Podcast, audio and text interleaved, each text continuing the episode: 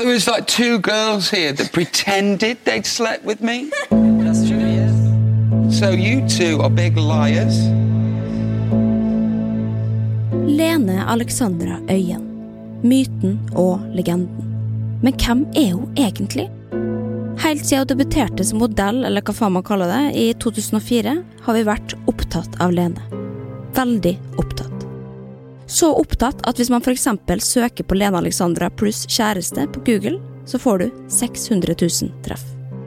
Mange har sine fordommer om Lene. Noen syns kanskje at det blir litt for mye pupper, litt for mye lår.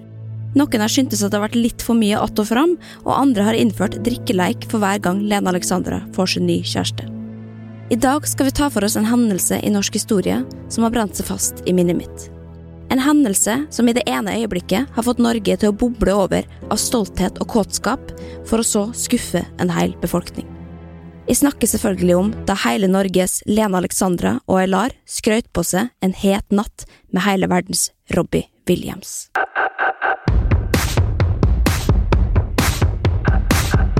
Jeg heter Linnea Myhre, og jeg er ikke gravejournalist.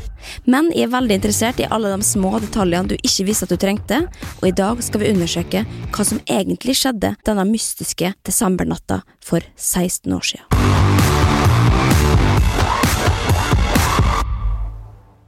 For dere som ikke helt greier å plassere Lene Alexandra, eller egentlig veit hvordan hun dukka opp i norsk offentlighet, så skal jeg selvfølgelig ta dere med gjennom det.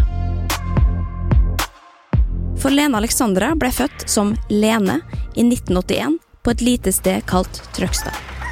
Og det er altså i denne tidligere bygda, med et folketall på under 5000, at Lene sakte, men sikkert har bygga seg opp som et kjent navn i norsk offentlighet. I wanna be loved by you, just you, and nobody else but you. Og det er denne reisen jeg skal ta dere med på. For Lene har levd et langt og spennende liv. I selvbiografien sin Bra nok fra 2013 omtaler hun allerede på første side den svært berykta skolen hun har gått. Og ja, nemlig, du tippa det, livets harde skole.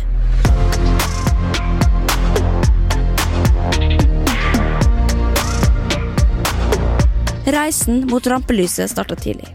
Lene lengta ut etter en større verden enn råning, hjemmebrent og travsport i Trøgstad. Lene ville ut. I boka beskriver hun hvordan hun drømte om å bli og se ut som Pamela Anderson og de andre stjernene på TV, og allerede som niåring hadde hun meldt seg på audition til musicalen Annie i Oslo. Akkurat den rollen var det Maria Haukås Storeng som snappa, men på det tidspunktet så ga uansett Lene faen. Drømmen var for sterk, og visste hva hun ville.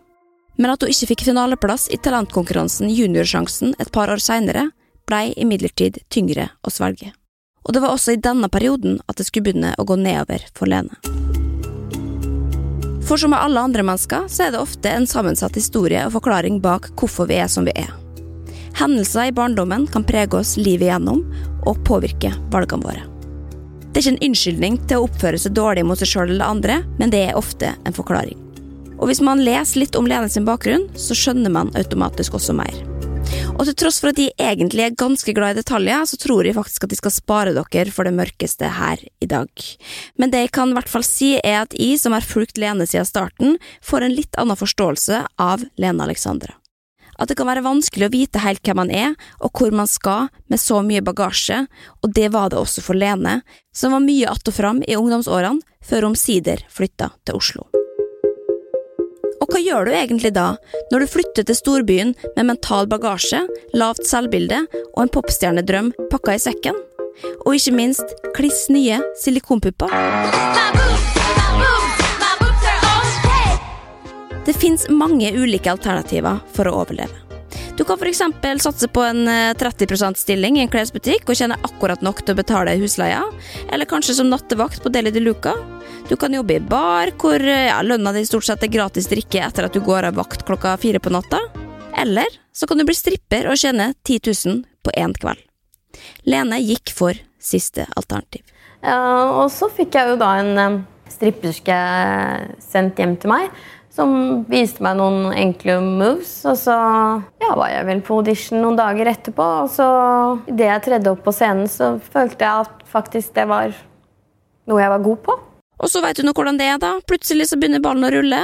Tilbudene fra andre aktører i samme bransje begynner å tikke inn, og på den tida var veien mot en karriere som glamourmodell kort. Uimotståelig kort, vil jeg til og med si, nesten for alle unge jenter som flyttet til Oslo. For det fantes alltid en mulighet for å bli glamourmodell. Muligheten for å vise seg fram, bli sett og kanskje tjene noe raske cash money. Og hvem har vel ikke på et eller annet tidspunkt villa det? Litt uskyldig money and fame. Ja, jeg er veldig, veldig fornøyd, og jeg har det kjempegøy. Hva er det verste som kan skje, liksom? Det er veldig mye som kan skje. Lene begynte forsiktig, som uskyldig modell for myk pornoblad som Lek, Cats og Cocktail. Og når man er 19 år, så tenker man jo kanskje ikke nødvendigvis på at det å selge tolv nakenbilder av seg sjøl til 1000 kroner stykk ikke nødvendigvis er verdens beste butikk. Særlig ikke hvis bladene i tillegg står fritt til å gjøre hva de vil med disse bildene og nekter å fjerne dem fra internett. Når du er 19 år, er 1000 kroner per bilde først og fremst 1000 kroner, og that's fucking it. Men til dere som kanskje er 19 år og skal flytte til Oslo en gang, så kan jeg i hvert fall si at det er ikke særlig god butikk. Uansett, Lene fortsatte som modell og stripper, og er en del av partyscena i Oslo. Hun bytter navn til Lene Alexandra, men har liksom ikke helt havna på radaren i rampelyset enda. Inntil videre er Lene bare ei bygdejente i Oslo, som er sulten på oppmerksomhet, ei artistkarriere og det livet måtte ha å by på. Men så skjer det noe. Tidlig i 2004 deltar Lene i Robinson-ekspedisjonen på TV3, som var, for den som ikke har sett det, da, 2000-tallets svar på Paradise Hotel, bare uten ja, mat, alkohol eller speil. I 47 døgn skal 16 deltakere leve isolert på en øde øy. Og nå er de endelig framme. Det er klart for Robinson-ekspedisjonen. Lene får selvfølgelig rollen som hun dumme med lys stemme og silikonpupper, og hun vinner selvfølgelig ikke. Men hvem bryr seg vel egentlig om å vinne, så lenge man kan oppnå kjendisstatus? Og det er akkurat det som skjer. Den hittil ukjente Lene er i ferd med å blomstre, og det er idet sesongen begynner å gå på TV, at det tar av for Lene.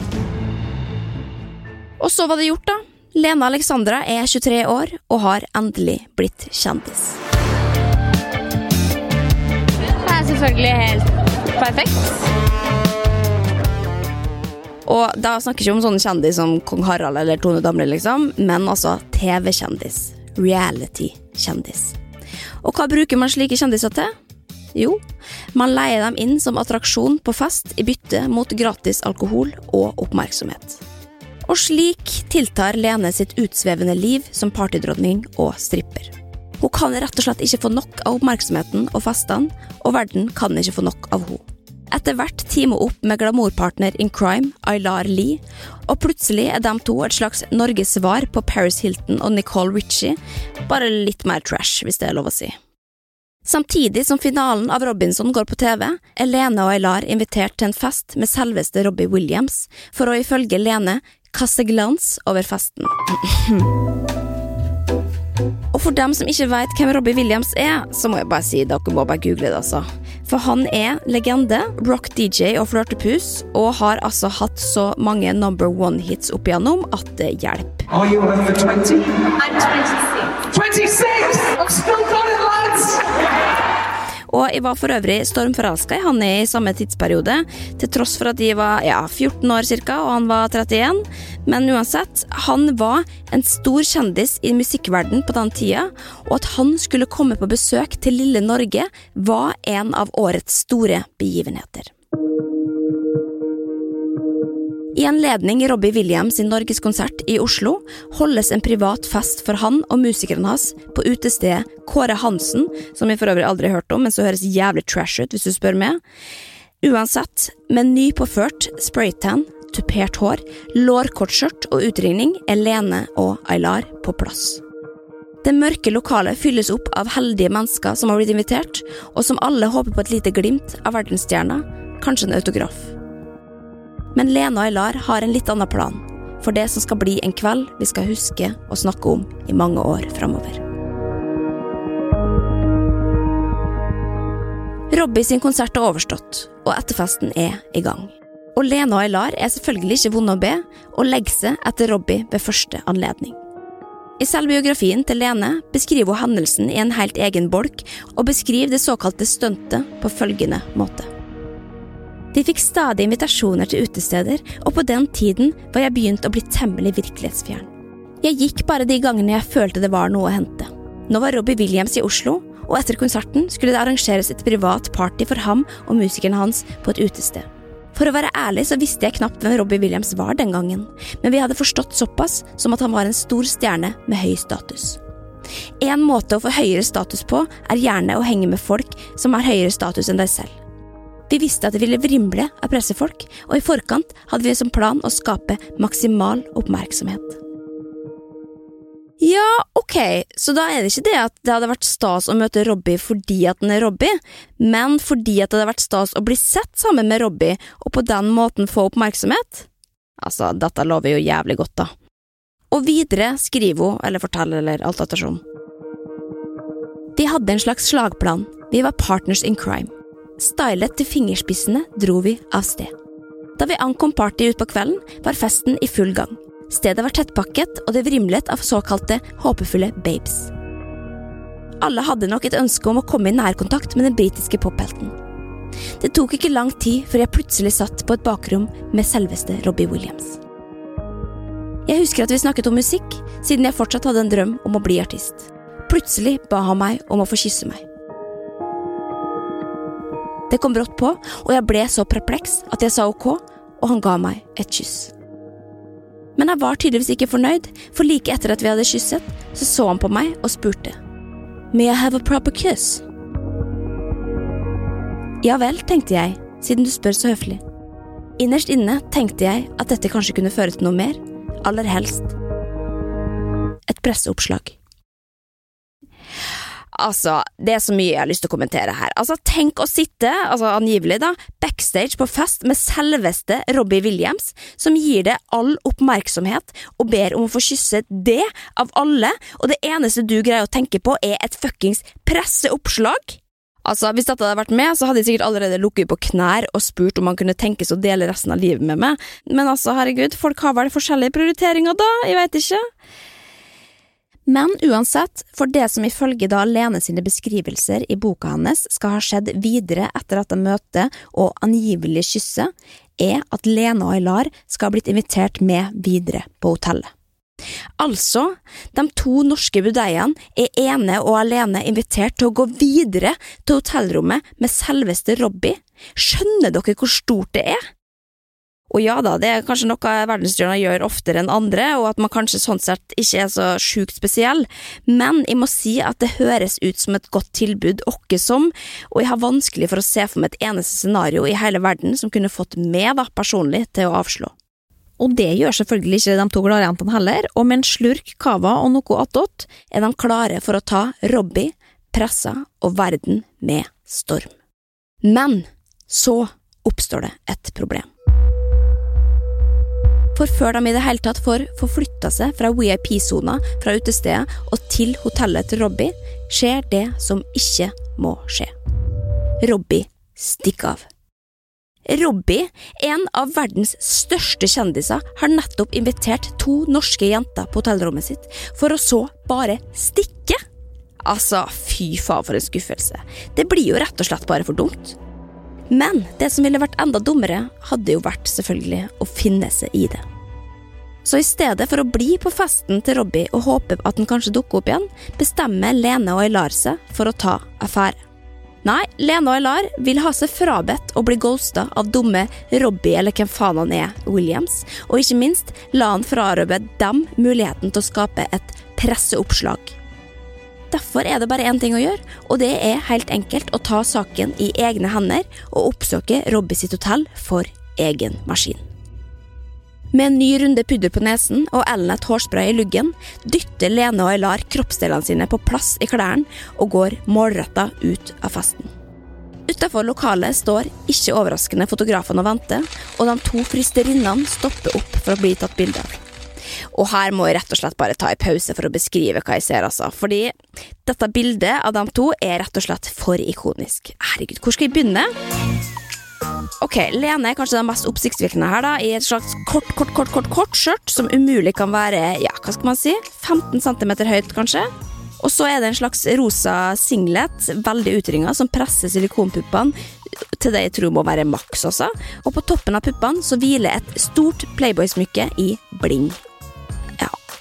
Aylar på si side ser veldig lur ut, og med ei hand rundt livet til Lene, så er det bare å få knipsa de bildene først som sist, så de kan get the fuck out of here og inn på det hotellrommet asap. Blitsen avtar, og det er på tide å gå. I lårhøye støvletter sjangler de sjarmerende inn på SAS-hotellet, og uten at de egentlig helt forstår hvem som har fortalt dem nummeret på hotellrommet hans, så finner de det altså til slutt, og etter litt nervøs famling, hvisking og tisking, så banker de på døra. Og du vil ikke tro hva som skjer etter det. Fordi Robbie åpner ikke. Altså, hva i helvete? Nå har han altså invitert Aylar og Lene på hotellrommet sitt, og så er han ikke der? Hvem faen tror han at han er? For ei jævla luremus! Og stakkars Lena Ilar, da.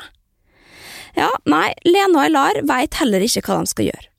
De var jo så skråsikre på å kapre Robbie. Tenk hvis noen nå finner ut at han har ghosta dem. Fy faen, så flaut! Og det er da det også går opp for de to jentene at det også kan bli litt flaut å gå ut igjen nå. Pressa står jo sikkert der fortsatt utafor, og har allerede begynt å skrive saken om de to modellene som i skrivende øyeblikk er på vei inn for å treffe selveste Robbie. Kommer de ut igjen nå, så vil de sikkert avblåse det hele, og ikke minst sikkert stille masse spørsmål de ikke greier å svare på, og hvem vil vel egentlig frivillig gå ut og bekrefte at du bare er en sulten groupie på jakt etter kjendisblod? Ikke Lena Aylar, i hvert fall. Nei, Lena Aylar lar seg ikke stoppe, og legger en ny, genial. I boka forteller Lene om hvordan de to bestemte seg for å løse den uheldige situasjonen som hadde oppstått, og hvilke følelser som dukker opp underveis. Isteden satte vi oss i en trapp utenfor, og der ble vi sittende og vente. Selv synes jeg etter hvert at situasjonen begynte å bli ubehagelig, men jeg hadde inntrykk av at Aylar tok det mer iskaldt. Vi bestemte oss uansett for å bli værende. For alt vi visste, kunne jo Robbie ligge i sin søteste søvn eller være på et nachspiel et helt annet sted. Vi var jo for så vidt ikke ute etter å henge med han uansett, vi var jo på jobb og for å skape publisitet. Derfor fant vi ut at det var smartest å bli, slik at det skulle se ut som at vi hadde tilbrakt natten med Robbie på hotellrommet, i tilfelle pressen fortsatt ventet utenfor. Det var både spennende og ubehagelig på en og samme tid. Vi ble sittende i trappen til det grydde av dag.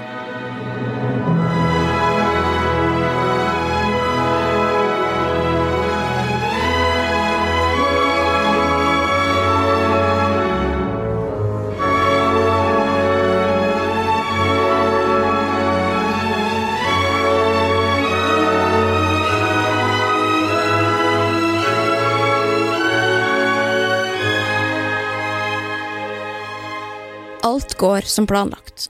For idet de sniker seg ut bakdørene av trappeoppgangen morgenen etter, er fotografene borte.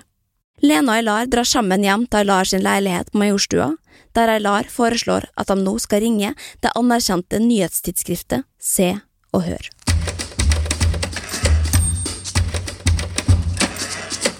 Aylar og Lene ser lurt på hverandre, før Aylar tar ansvar og griper etter sin Nokia 7200 flipphone, flipper den opp og slår på tråden.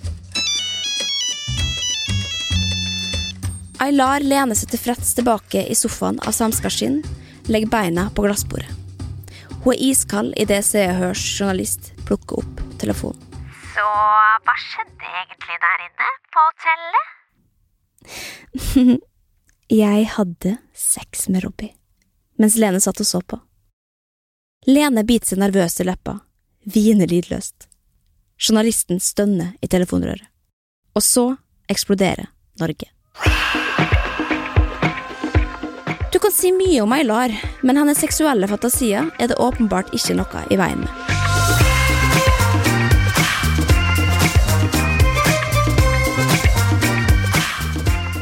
Til den syklende og muligens runkende Se og Hør-journalisten beskriver hun nemlig den ikke-eksisterende opplevelsen slik. Nei, først så begynte vi å kose litt med hverandre, og tok av hverandre plagg for plagg foran Robbie. Mens Lene på sin side da, har visst vært litt mer moderat. Uh, jeg holdt meg litt mer i bakgrunnen fordi jeg har en annen i kikkerten. Og her lurer jeg faktisk på om Lene faktisk hadde noen andre i kikkerten, eller om hun rett og slett ikke greide å lyge her. Altså, hun lyver jo uansett, altså, det er jo ikke noe problem, men ja, da, da får vi kanskje aldri vite, da. Uansett, Norge var likevel, ikke overraskende, i sjokk.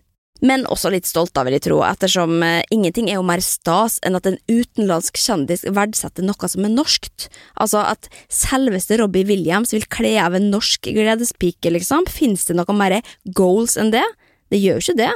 Problemet er bare at i det saken hvor Aylar beskriver eventyret med Robbie i detalj, kommer ut i Se og Hør, så er det noen som begynner å fatte mistanke. Kan Aylar og Lene sin ville historie om kjendissex på SAS-hotellet virkelig være sann, og hvis den hadde vært det, hadde de i det hele tatt hatt lov til å dele det? Er ikke en av verdens største kjendiser smartere enn det? Og ikke minst, er ikke Lena Aylar smartere enn å tenke gjennom potensielle hull i denne løgnen? VG er en av dem som først fatter mistanke, og etter en kjapp telefon til Robbie sin talsmann slår historien om Aylar og Lene sin hete aften med Robbie sakte, men sikkert sprekka. Til VG sier nemlig han følgende. As far as I know, he had no guests in his hotel room after he left the party. Robbie had to get up early to catch a plane. I Se og Hør forteller også Lene og Aylar at han ga Robbie signerte utgaver av bladet FOM, hvor de to var på forsida, da, og da må jo også VG spørre om dette er løgn. Men dette bekrefter imidlertid talspersonen. He talked to them a little at the party, and they gave him their autographs. But that's all. Ok, så da har de snakka med noe sånn, og det er jo greit nok. Men hørte jeg riktig når han sier at de ga han autografen sin? Og et FHM-blad med bilde av seg sjøl på? Altså, er det ingen som skal kommentere det? Det må jo bety at de har hatt med seg FHM-bladet liksom, i veska for å så gi det til Robbie. Kan noen avkrefte dette, for det rett og slett blir for mye for meg? Men ikke nok med det. For også ryktet om at Lene hadde blitt med Robbie backstage på VIP, hvor han hadde da kysset henne ømt, blir ettergått. VG tok blant annet sitt samfunnsansvar og ringte servicepersonalet som jobba på VIP-rommet på Kåre Hansen den kvelden, som hevda at verken Aylar eller Lena hadde adgang dit. Men idet VG ringer Lena og Aylar for en kommentar, sier Aylar at hun ikke er interessert. Lene på si side, til tross for at det eneste hun er opptatt av er presseoppslag, velger å ikke svare. Og hva gjør VG da? De ringer selvfølgelig Se og Hør i stedet, og konfronterer dem med deres manglende faktasjekk, som førte til at hele Norge blei ført bak lyset. Så eh, hvorfor valgte dere å tro dem i første omgang, da? Spør VG, som jo egentlig er veldig gøy, da, ettersom at eh, jeg vet om en annen avis som støtt og stadig velger å tro på kilder som ikke nødvendigvis snakker sant, og som ikke minst i noen tilfeller også skrur det litt til for dramatisk effekt. Men uansett, Se og Hør svarer. Vi hadde reportere som så at de gikk inn i heisa på hotellet med nøkkelkort, og de ble borte. Og Dagen etterpå så fikk vi en ganske detaljert fortelling om hva som hadde skjedd. Og VG fortsetter revolverintervjuet. Ja, men eh, når de ikke engang kan beskrive suiten, burde de ikke da ha ringt ei varselklokke? Ja, for Vi har hatt alle klokkene ute, vi, og vi har stilt flere kontrollspørsmål. Sier han da, uten at jeg vet helt hva det vil si å ha klokkene ute, eh, før han da altså avslutter med følgende. Men i dette tilfellet så har jeg iallfall valgt å tro på jentene. Og jeg vet ikke om det er managementet til Robbie Williams som sier eh, nødvendigvis er sant heller. Lena Aylar har ikke fått eh, betalt for eh, historien sin, i hvert fall. Ok, Så det betyr da altså at Se og Hør faktisk ikke er sikker på hvem som lyver her, og at det like godt kan være Robbie? Altså, herregud, dette blir rett og slett for mye for meg, altså.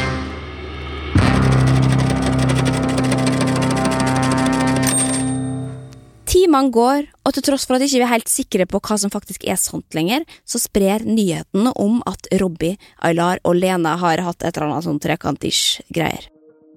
De krysser til og med landegrensa og plukkes opp av The Sun, altså den britiske ekvivalenten til Se og Hør, bare at de tar enda færre presseetiske hensyn og er om mulig enda dårligere på moral og etikk.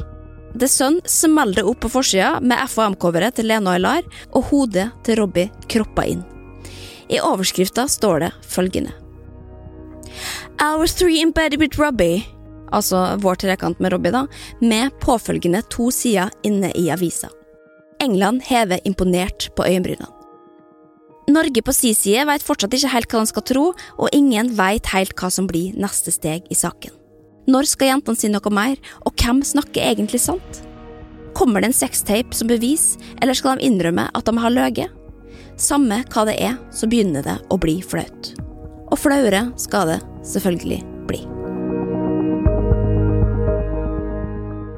Mens saken får ligge en stund, fortsetter Lena og Aylar å flyte rundt på fester.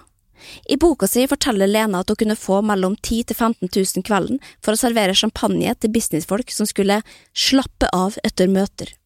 Rollen var ifølge hun og sitat, være et slags trofé på lik linje med en Lamborghini. Av og til kunne jeg sitte sammen med dem og spise middag, prate hyggelig og være diskré i bakgrunnen. Jeg følte den gang at businessmenn ofte synes at det var slitsomt med kvinner som pratet for mye, så det gjaldt å spille pleaser-rollen til fingerspissene. Sitat slutt. Hun får også invitasjoner til utenlandsturer med fly og luksushotell dekka, i tillegg til honorar.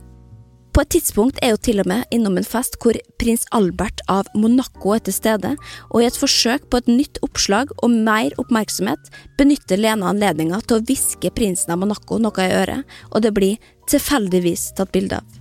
Dagen etter tar hun sjøl kontakt med Tyskland sitt største sladreblad og selger bilder av dem to til dem, som ender i en artikkel om prinsens nye venninne, og Lena Alexandra sin mission er offisielt complete. Jeg prøvde å finne dette bildet på Google, da, men det eneste jeg fant, var bildet av en middelaldrende, bebrilla mann med måne, som visstnok da altså skal være prinsen av Monaco, og som egentlig har sett helt lik ut i 20 år. Og jeg veit egentlig ikke helt mer hva jeg skal si om dette, altså. Tida går i hvert fall, og folk gjør det de gjerne gjør i ettertid. De glemmer det. Følelsene legger seg, og man oppdager kanskje nye ting som oppleves litt mer givende enn å lure på hva som egentlig skjedde den kvelden på SOS-hotellet. Det har nå gått ett år siden Robbie ble beskyldt for å ha kledd av Aylar plagg for plagg, mens Lene har sittet og fnist og sett på. Og plutselig er Robbie tilbake. Robbie is back in town, og denne gangen skal han være gjest på Fredrik Skavlan sitt talkshow først og sist, for å promotere sitt nokså forglemmelige album Intensive Care. Og i tradisjon tro så må vi jo bare vite hva utlendingene synes om oss når de først er her. Type ja ja, hva syns du om Norge da, har du smakt brunost, har du smakt bacalao, og hva syns du egentlig om nordmenn? Syns du ikke bare at norske jenter er jævlig deilige, og ikke minst, fy faen, er det sant at du lå med Aylar mens Lena Alexandra så på? Og det er her den brutale sannheten kommer fram. There is one thing I want to clear up, though. Yes. Mhm. Uh, I, I, I'm all up for women selling their stories about, you know, I'm not all up for it, you know, but thing is, if you've if you've actually slept with me and you sell the story, okay. But there was like two girls here that pretended they'd slept with me. That's Do true, you know yes. the story? you know, I've got girls. You know, you sold your story pretending you slept with me, and you were gorgeous. I would have actually slept with you. Ja, så det var nå uansett ganske flaut, og som ikke det var nok, så fortsatte også Robbie. So you two are big liars. Um, and have a happy tomorrow when the whole of the country knows that you think. Altså, herregud. Hvis det var Robbie Williams som satt i beste sannetid hos Fredrik Skavlan og sa at de var en løgner, så tror jeg rett og slett at de bare hadde pakka kofferten så jævlig, satt med på første fly til Russland eller et eller annet trash-land hvor noen aldri hadde gidda å komme og leita etter meg, og aldri sett meg tilbake. Altså, fy faen.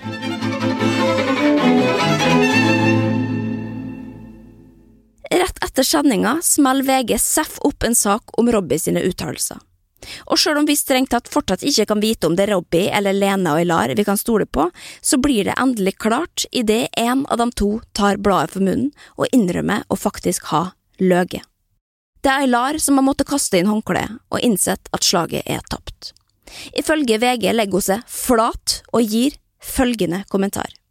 Jeg beklager overfor Robbie og alle de andre jeg løy for.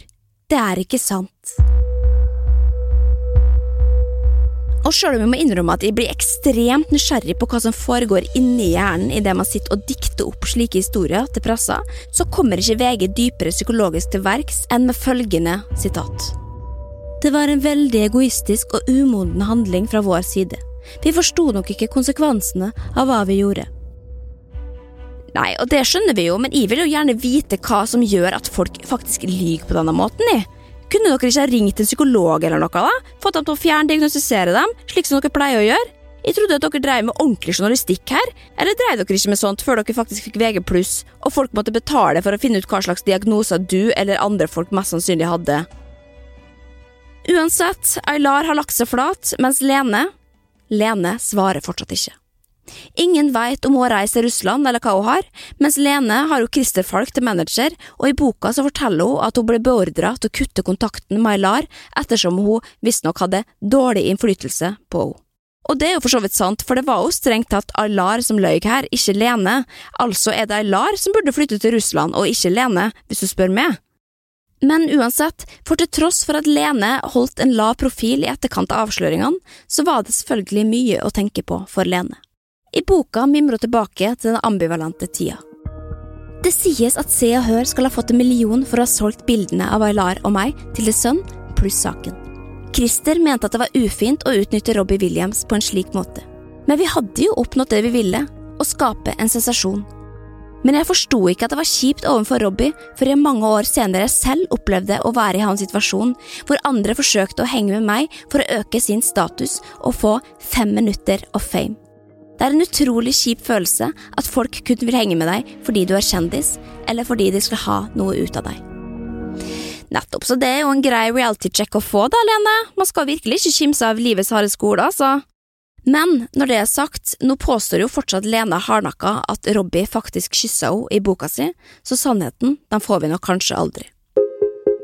Og forresten, en liten avstikker her, for veit dere hvem som det samme året sto på ei scene og løy på seg og har ligget med fire av fem Spice Girls? Det er selvfølgelig Robbie fuckings Williams himself. Og her gikk både Mel B og Mel C hardt ut mot ryktene i etterkant, og kalte det sikkert for a bloody lie, slik kun Mel B og Mel C kan. Og sannheten her skal jo selvfølgelig også da vise seg at den bare har ligget med to av fem, som egentlig ikke bare bare, det er ganske imponerende det, hvis du spør meg, så han hadde jo ikke egentlig trengt å lyge om det i det hele tatt. Men han hadde jo heller ikke trengt å fortelle om det. Altså, En gentleman han skal ikke kiss and tell osv., osv., men Robbie har jo sikkert alltid vært en horebukk, da, og er stolt av det, jeg veit ikke. Men poenget er uansett, for hva gjør Robbie når han blir konfrontert med løgnen? 13 år seinere er han gjest i podkasten Bizarre Life, og her bare loller han det vekk og påstår at han sa det bare fordi at det var en artig spøk som han kunne dra på scenen, og at det klang ganske bra. I was on stage and I introduced, uh, I was about to for Good. And uh, I said, ladies and gentlemen, I'm very fortunate. I'm one of the only people in the world that can say they've been in Take That and four out of five of the Spice Girls. And that was my joke, right? For the record, I haven't. I, I really haven't. I said four out of five because it was good for the joke. I think if you check records, everybody knows how many it was. Men slik endte altså eventyret om Robbie, Lene og Aylar på et SAS-hotell i Oslo. Det viste seg altså bare å være en scam hele greia, og vi gikk alle i den samme fella. Men heldigvis gikk livet videre for oss alle. Aylar og Lene gikk hvert til sitt, og fortsatte på sine personlige reiser, med ymse utfall, kan man si, men som for de aller fleste av oss i livet, med oppturer og nedturer. Robbie sin popularitet fikk en naturlig nedgang, men han lever fortsatt godt på gamle hits, og er visst godt gift og har en haug med unger og greier. Og i de seneste år har han også bleika luggen og tatt Botox, så da er vel alt som det skal være også i den gården. Men til tross for at akkurat denne historien kanskje ikke er den Lena og Eilar kommer best ut av opp gjennom tidene, så må vi aldri glemme hvor store legender de både er og har vært, og hvor stor innflytelse de hadde på 2000-tallets glade dager. Og apropos ting vi ikke må glemme. For det som jo også er litt artig, er hvordan media har behandla unge jenter som Lene opp gjennom tidene. La oss f.eks. ta dette intervjuet fra et par år seinere, hvor Lena Alexandra akkurat har gitt ut ny singel og er ute på en liten promorunde hos VG. Da vi hadde besøk av Myra Craig, det var i fjor høst, så hadde hun en eh, demonstrasjon av booty shake på VGTV, og den ble sett av sinnssykt mange. Det er eh, tidenes mest sette VGTV-reportasje. Er det noe du kan bidra med som kan måle seg med det, eller? Nå har ikke jeg så juicy rumpe som henne, da, men eh, jeg kan gjøre en uh, boob shake. Yes. da må jeg kle av meg litt. Ja, og som om det ikke er oppsiktsvekkende nok i seg sjøl, så er det jo selvfølgelig en hjerne bak det hele, og som tjener gode penger på kroppen til 25 år gamle Lene fra Trøgstad. det er bra. Hvor lenge har du øvd på den? Uh, nei, jeg vet ikke. Det var egentlig noe jeg eh, kom på sånn jeg drev og så øvde på, på videoen min. For at Christer Shan ville ha veldig mye sånn pupperisting i videoen. ja, og så da tenkte jeg åssen gjør man det? Og så, ja, da ble det sånn. Så da måtte jeg ha veldig sånn stram, altfor liten bh, og så liksom bare sånn Ja, så bouncer jeg seg selv. Så ja, vi kan jo lolle oss hele veien til kommentarfeltet og anklage de dumme puppedamene for sine løgner og ekstreme oppmerksomhetsbehov. Og det er helt greit å la seg både fascinere og irritere over kjendiser og den massive dekninga de får, eller push-varsel om kjendissladder du egentlig hever det langt over. Hvem faen tror de at de er, liksom, og er dette virkelig noe å skrive om? Ellers takk, dette bryr meg midt i baken! Eller som en Håkon her så klokt sier i kommentarfeltet etter å ha klikka seg inn på en kjendissak om Lene under VG Rampelys. Siden dette dukket opp på siden min, så får jeg vel bare kommentere. Og jeg gir faen. Bryr meg ikke en dritt. Nei, og vi bryr oss ikke egentlig en dritt vi heller, Håkon. Bare så det er sagt. Men så er det jo greit å ha noen meninger om det likevel, just in case. Og hvis du også nå har hørt helt hit i podkasten, ja, da er det jo noe her vi syns er litt spennende å følge med på, vi også. Og da føler jeg rett og slett bare at det er på sin plass for meg å takke Lene for alt hun har delt opp gjennom tidene, til tross for at det har kosta mye. Prisen hun har betalt i form av flere år enn nødvendig på livets harde skole, eller enda verre, på Christer Falk-skolen, som Lene omtaler det som i sin selvbiografi. For akkurat det er det faktisk ingen som fortjener. Men det kan vi ta i en helt annen episode. Jeg gruer meg allerede. I wanna be loved by you, just you, and nobody else but you.